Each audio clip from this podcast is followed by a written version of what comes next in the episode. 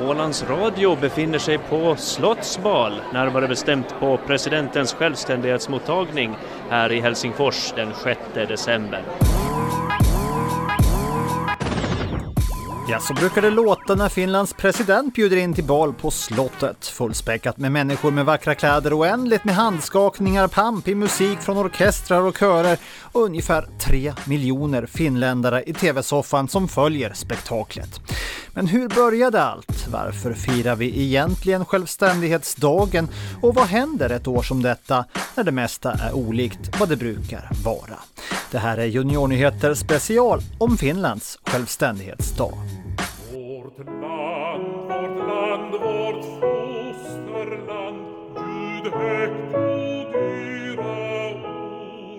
Den 6 december är Finlands nationaldag som vi firar för att på sätt och vis minnas landets födelse.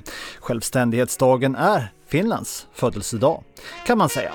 För tre år sedan, 2017, så fyllde Finland 100 år. Soso Kopp är en finlandssvensk musikerduo som har försökt förklara historien bakom den här dagen.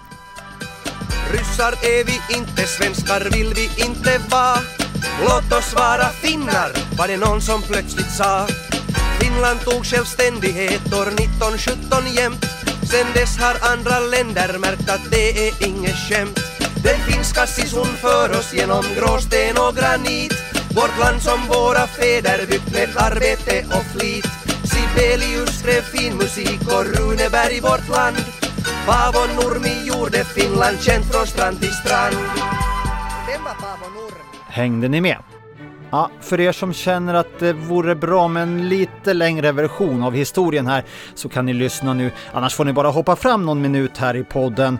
Finland hörde alltså under många hundra år till konungariket Sverige innan Ryssland erövrade Finland år 1809 och då blev Finland en slags självstyrande storfurstendöme under kejsaren. Under den här tiden byggdes Helsingfors om och gjordes till huvudstad. Finland införde en egen valuta, mark blev allmän och lika rösträtt även för kvinnor. Men även om Finland fick bestämma en del och ha en egen lantdag som fungerade som en slags riksdag så var det ändå den ryske tsarens order som gällde. Och med tiden så ville tsaren bestämma allt mer och göra Finland allt mer ryskt. Tsaren krävde snart att få ändra alla lagar som han tyckte var viktiga på sitt sätt. Till exempel tog han fram en ny värnpliktslag som upplöste den finska nationella armén och gjorde det möjligt att kalla in finländska soldater till ryska förband. Finlands självstyrelse var i princip förlorad. År 1917 kom så vändningen. Ryssland var vid den här tiden ett riktigt stort rike och det var svårt att hålla alla nöjda. Det var oroligt inom landet och det öppnades en möjlighet för Finland att slå sig fri. Många var missnöjda i Ryssland. Det var en hård vinter, det var brist på mat, det var elände och krig och den ryske tsaren störtades i en revolution i Sankt Petersburg. Tanken hade nu spritt sig om att Finland borde utnyttja den här situationen och bli självständiga. Så blev det. Den 6 december så röstade lantdagen igenom en självständighetsförklaring. Men den första tiden blev riktigt rörig. Snart utbröt ett blodigt inbördeskrig här i Finland. Den röda arbetarrörelsen slogs mot vita regeringsstyrkor. De vita fick stöd av Tyskland och de röda av Ryssland och kriget slutade med seger för de vita. Tanken var först att Finland skulle bli en republik, men efter inbördeskriget så höjdes istället rösterna för att Finland skulle ha en kung. Så blev det också i några månader. När det var den tyske prinsen Fredrik Karl von Hessen som skulle bli landets kung. Men han dök aldrig upp och var fullt upptagen med att tillsammans med kungahuset och militären förlora det första världskriget. Ja, det blev aldrig någon tysk kung. Efter valet 1919 så var det inte lika många som ville ha en kung längre och nu skulle Finland få sin första president genom Carlo Juho Stålberg som skulle stärka Finlands ställning som självständigt land och försöka försona de vita och de röda från det inbördeskrig som hade härjat och splittrat vårt land.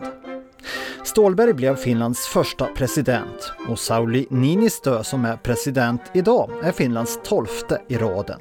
Den första kvinnliga presidenten var Tarja Halonen som var nummer 11. Till en början hade presidenten väldigt stor makt i Finland och kunde i princip själv utse statsminister och regeringspartier så länge riksdagen var okej okay med det. Idag är presidentens makt mindre, men presidenten leder tillsammans med regeringen Finlands utrikespolitik och träffar andra världsledare genom utlandsresor och statsbesök. Så hur firas självständighetsdagen idag? En viktig del handlar om att hedra minnet av de som miste livet i kampen för självständigheten och för att försvara den. Många krigsveteraner är därför hedersgäster vid presidentens självständighetsbal. Visst är det väl ändå viktigt att vi minns kriget, för det kan hända igen, samma sak alltså.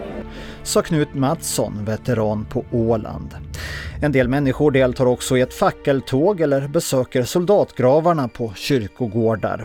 En annan gammal tradition är också att tända två blåvita ljus som man ställer i fönstret. Ljusen är tänkta att symbolisera hemmet och fosterlandet. Men det som utan tvekan är allra mest populärt det är att följa med den direktsända tv-sändningen från presidentens självständighetsmottagning. Förra året tittade över 3 miljoner tv-tittare på hur president Sauli Niinistö tog emot över 1700 gäster. Det är lätt att förstå att det blir både varmt och trångt även om man bor i ett stort slott. Och det är otroligt trångt. Det är verkligen ingen överdrift. Att gå ner där och trampa på släp och riskera att spilla rödvin över någons dyra blues att krocka med någon kamera som kostar jättemycket och det, det, är lite, ja, det är lite som en kamp i sig. En som vet vad han talar om är ålänningen Jonathan Hämäläinen. Han var en av gästerna när Finland firade 100 år och nu ska han få berätta sånt du kanske går och undrar. Hej. Det är ju miljoner tv-tittare eh, hemma i sofforna. Tänker man på det när man går in där och går fram till presidentparet? Eh, nu tänker man på det, det, det, gör man. Det är en stor, stor scen som är byggd för fotografer och tv-kamerorna. Så det är nog lite spännande att gå in där. Det är inte då man vill snubbla? Nej, nej, verkligen inte. Då hittar man sitt ansikte i alla tidningar efter det. Ja, precis. Hur många gånger kollade du att gylfen var stängd? Eh, det gjorde man nog ett par gånger före man gick in. Ja. det, vad säger man sen då till presidentparet? Man säger att trevlig, trevlig självständighetsdag eller på finska. Hyväismäisyyspäivä. Vad svarar han? De svarar tack detsamma eller så svarar de att det är en trevlig självständighetsdag. Ja. ja. Blev det en trevlig dag då? Det blev det nog. Inte glömmer man bort den dagen. Det är väldigt mycket gäster. Hur, hur kan presidentparet hålla koll på alla som är där och veta vilka de är? Eh, jag tror inte att de har koll på alla som är där. Det var en trevlig fest säger du. Vad, när måste man gå hem då? Uh, det, hem, hem brukar man inte gå direkt efter utan då får man ju fortsätta på camp, cellcamp där bredvid. Men ungefär före tolv så släckte de lamporna i slottet och då var det dags att börja gå hem. Nu måste presidentparet gå och sova? Absolut. Hur ska du fira i år då? Det blir nog hemma på soffan det. Du kommer inte ha fracken på dig? Nej, jag har inte kvar den. Det var, det var lånad av en bekant. Ja, det som alltid diskuteras livligt i tv-soffan och bland journalisterna som bevakar balen är kläderna. Klädkoden för mottagningen är högtidsdräkt. Men genom åren har många valt att gå sin egen väg med mer eller mindre spektakulära klädval. En klänning som vi på Åland minns lite extra väl är Nya Ålands chefredaktör Anna Björkros som kom till balen klädd i en klänning helt gjord av tidningspapper. Presidentparet välkomnar alla gäster personligen, men att skaka hand med tusentals personer och samtidigt stå och trängas och svettas ihop inomhus är såklart ingen bra idé under en pandemi. Så hur kommer det egentligen att bli i år? Blir det inget firande? Jo, men inte på det sätt som vi är vana vid. Vi vill se till att festen på slottet är säker för alla, så vi har främst underhållning på plats på slottet och väldigt få gäster, säger president Sauli Niinistö. Under tv-sändningen så kommer publiken ändå få se en sammanställning av olika möten som presidenten har haft med veteranerna. Under självständighetsdagen får du också skicka in bilder och visa hur du firar en lite annorlunda självständighetsdag. Svenska Yle har också en festchatt där du kan skriva in frågor till presidentparet som som svarar på några av dem i direktsändningen från slottet. Ett musikstycke som ofta brukar spelas och är starkt förknippat med den här dagen det är Finlandia av kompositören Jean Sibelius.